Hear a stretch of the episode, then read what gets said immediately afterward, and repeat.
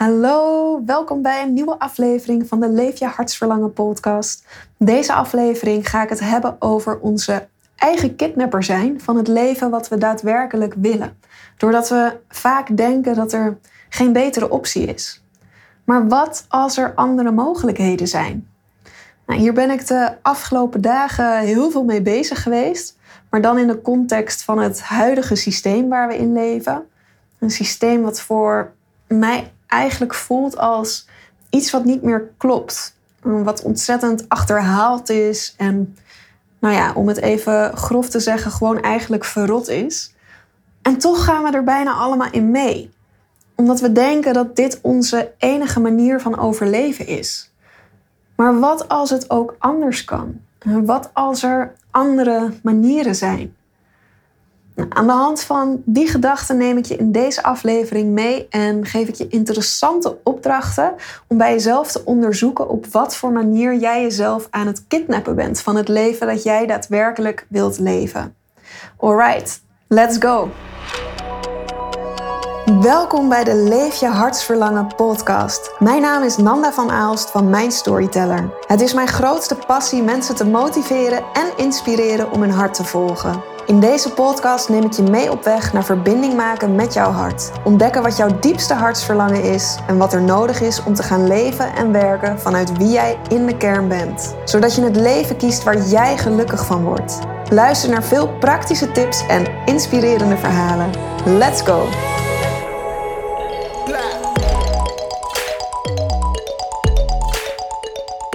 Ik dacht niet dat er een betere optie was. Ik dacht dat dit de enige mogelijkheid was. Zo moet ik leven om geld te verdienen. Een veilig thuis te hebben, eten en drinken tot me te kunnen nemen. ik dacht dat ik daarvoor 40 uur per week moet werken. Dat ik carrière moet maken. Dat ik een koopwoning moet vinden. Dat ik in Nederland moet blijven wonen. Want daar is het allemaal zo goed geregeld. Maar wat als er een andere manier is? Er zijn bijvoorbeeld mensen die hele andere manieren van leven hebben ontdekt. En die daar geen geld voor nodig hebben en toch hun droom leven.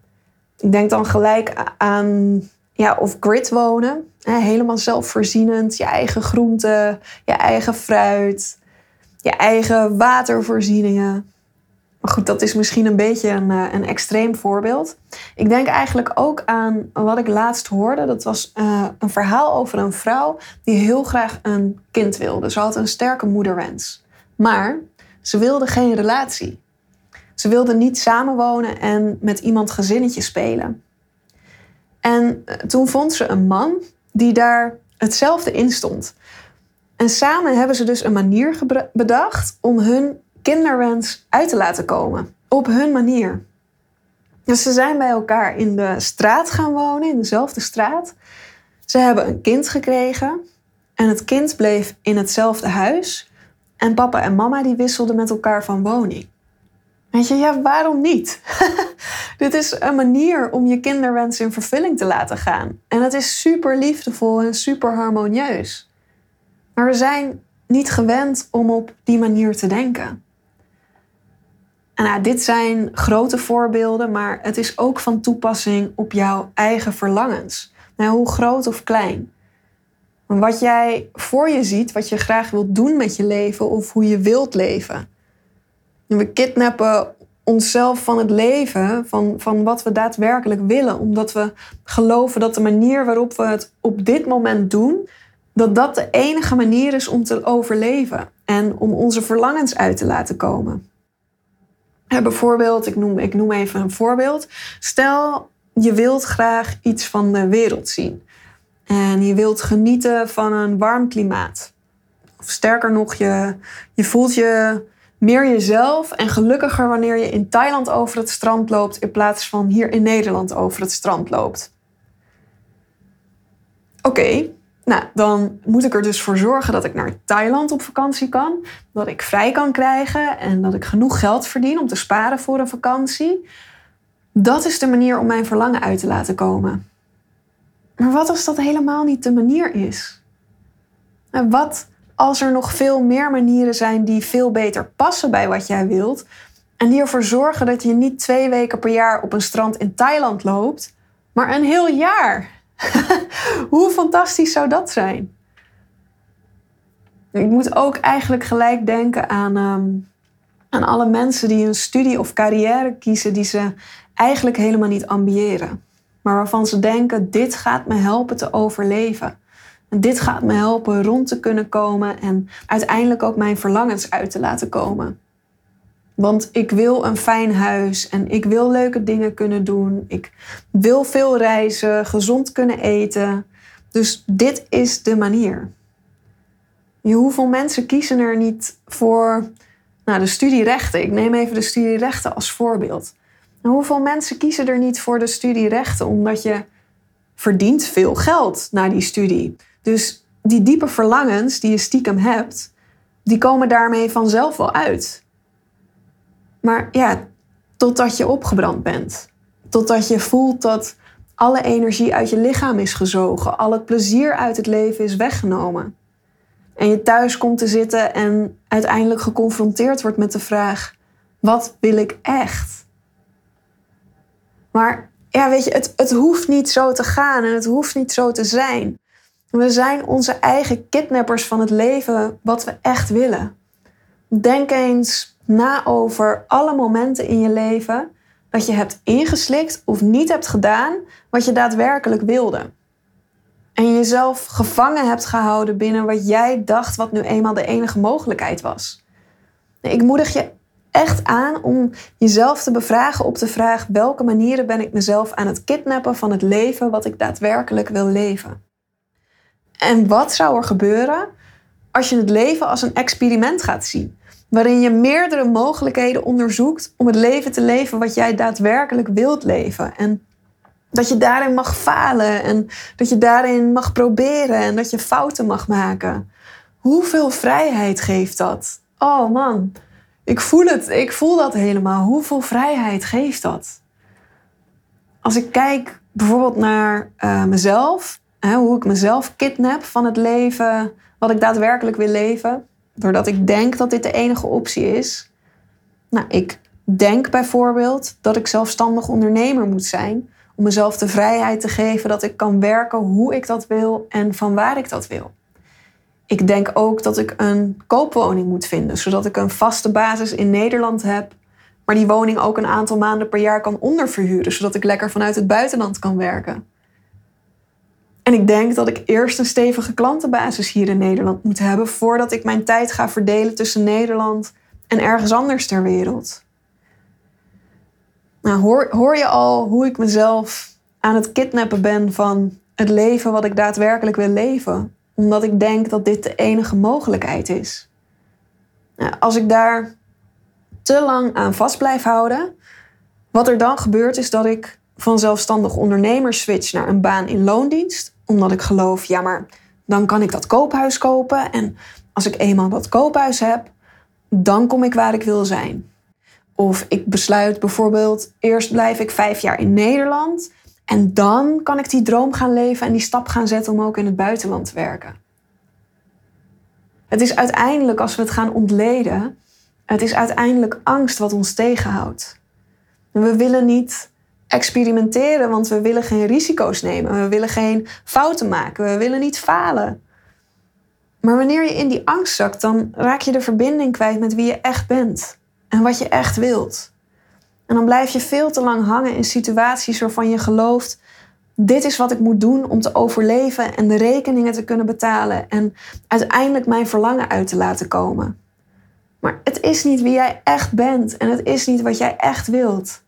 En je staat daardoor inmiddels ook niet meer in verbinding met wat jij echt wilt en met wie jij echt bent. Nou, hoe kun je daar nou bij terugkomen? Er zijn twee dingen die ik in deze podcast ga benoemen. En het eerste is uh, zelfonderzoek. Vraag jezelf af op welke manier hou ik mezelf gevangen? En dat vraagt om eerlijk naar jezelf kunnen kijken. Waar sta je nu? Waar ben je blij mee? En waar ben je minder blij mee? Wat werkt voor jou en wat werkt niet? Als je daarover nadenkt en we komen zo puur en, en zo vol liefde en creativiteit en inspiratie komen ter wereld. Kinderen tot zeven jaar die kennen nog weinig angst. We leren om niet onze vinger in een kaars te steken. We leren om links en rechts te kijken bij het oversteken van de straat. We leren om niet met vreemde mensen mee te gaan.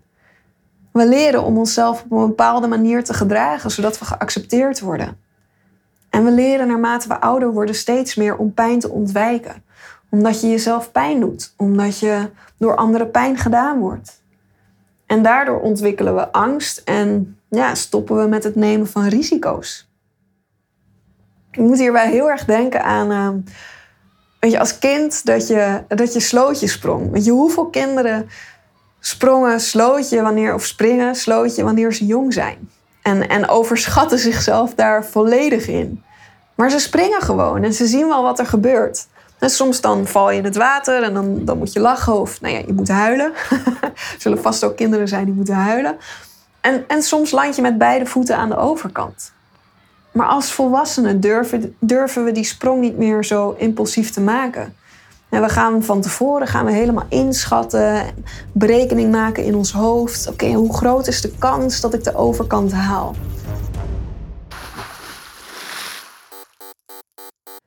En als die kans niet groot genoeg is, dan springen we niet.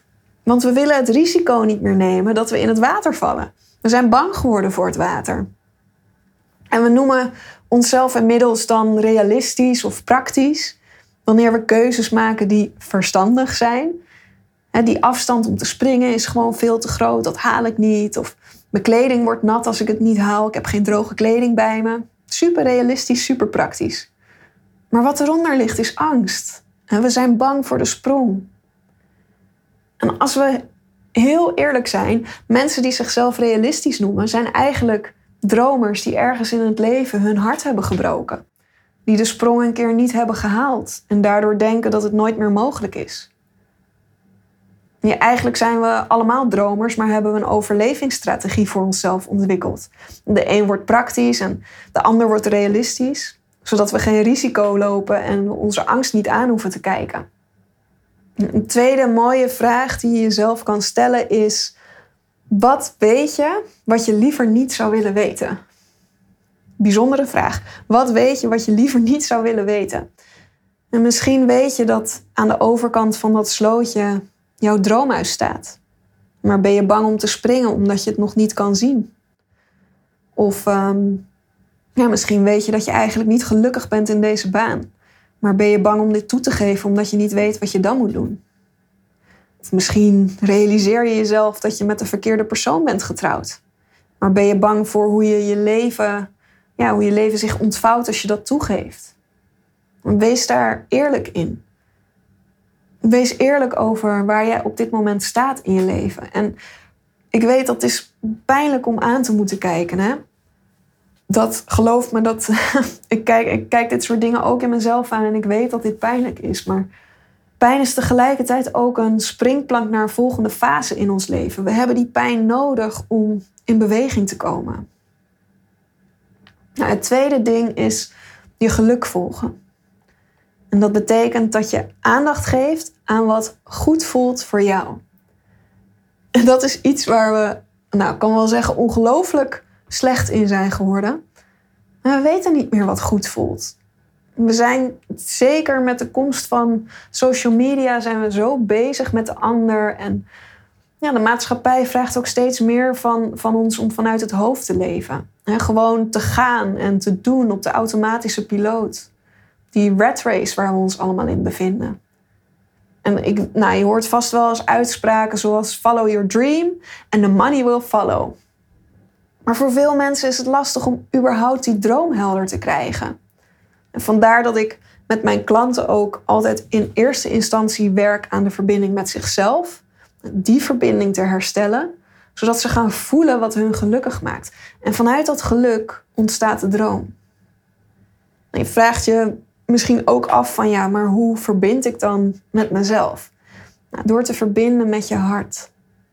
Uit wetenschappelijk onderzoek blijkt dat het hart meer informatie naar het brein stuurt dan andersom. Dat is echt super tof om dat te horen. Het hart stuurt meer informatie naar het brein dan andersom. Dus het hart is een boodschapper. Het zendt signalen naar je brein en ja, het geeft je eigenlijk ook continu feedback. En wanneer iets goed voelt, dan voel je dat met je hart. En vervolgens krijg je daar positieve gedachten bij. En wanneer iets slecht voelt, dan voel je dat met je hart en krijg je er negatieve gedachten bij. Maar doordat we zo in ons hoofd zitten, verstoren we de informatie die ons hart ons stuurt. En we laten ons leiden door angst en, en overtuigingen. En we baseren daar onze gedachten en acties op. In plaats van echt te voelen en ja, echt eventjes te voelen. Wat zegt mijn hart? Een leuke opdracht die ik laatst voorbij hoorde komen in een masterclass was om een Joy Journal te starten. Waarin je 30 dagen iedere dag opschrijft wat jou die dag blij maakte. En dat kan van alles zijn. Maar ga je bewust worden waar je blij van wordt. Ik ben er zelf ook mee begonnen en nou, ik schrijf echt de meest bijzondere dingen eigenlijk op waarvan ik nu denk: oh, wat grappig. Oh, daar word ik dus, daar word ik dus blij van. Oh, dat had ik helemaal niet zo verwacht. dus na die 30 dagen, dan bekijk je alles wat je hebt opgeschreven en dan onderzoek je ook of je misschien bepaalde, ja, of je bepaalde patronen ziet. En daar haal je dan weer je kennis uit en daar kun je dan weer iets mee doen. Want weet je, we hebben allemaal de mogelijkheid om een andere manier te kiezen. Om onszelf te bevrijden en het leven te gaan leven zoals we dat echt willen. En het, het begint met onderzoeken wie je bent en gaan volgen wat jou gelukkig maakt. En ik ben echt waar, ik ben de laatste die zal beweren dat dit een gemakkelijk proces is. En je hebt zojuist gehoord hoe ik hier zelf ook stappen in te maken heb. Maar als ik je één ding mee mag geven, dan is het blijf ze wel maken. Blijf die stappen maken. Ga niet stilstaan en denken: ja, weet je, dit is nu eenmaal hoe het is en dit is nu eenmaal wat ik te doen heb om te overleven. Nee, je hebt de keuze om anders te kiezen en om anders te doen. Dus realiseer je dat, wees je daar bewust van. Dat is de boodschap die ik uh, nou, in deze aflevering aan je mee wil geven. Daarmee uh, ga ik hem lekker afsluiten. Ik hoop dat deze aflevering je heeft geïnspireerd. Laat het me vooral weten als je geluisterd hebt. Dat vind ik super leuk. En mocht je mij willen helpen om de podcast bij meer mensen onder de aandacht te brengen, heel, heel, heel graag. Geef de podcast dan een sterretje of een review in de Apple Podcast app. Want des te beter wordt de podcast namelijk vindbaar en hoe meer mensen ik kan bereiken met mijn boodschap. Je mag me trouwens ook taggen op social media via @mijnstoryteller. Zo heet mijn eh, bedrijf waarmee ik mensen begeleid om hun hart te volgen en daar een soul purpose business omheen te bouwen. Dus @mijnstoryteller, daar vind je me op Instagram. Goed, volgende week ben ik bij je terug met een nieuwe aflevering. En voor nu heel veel liefs en bedankt voor het luisteren. Doei doei!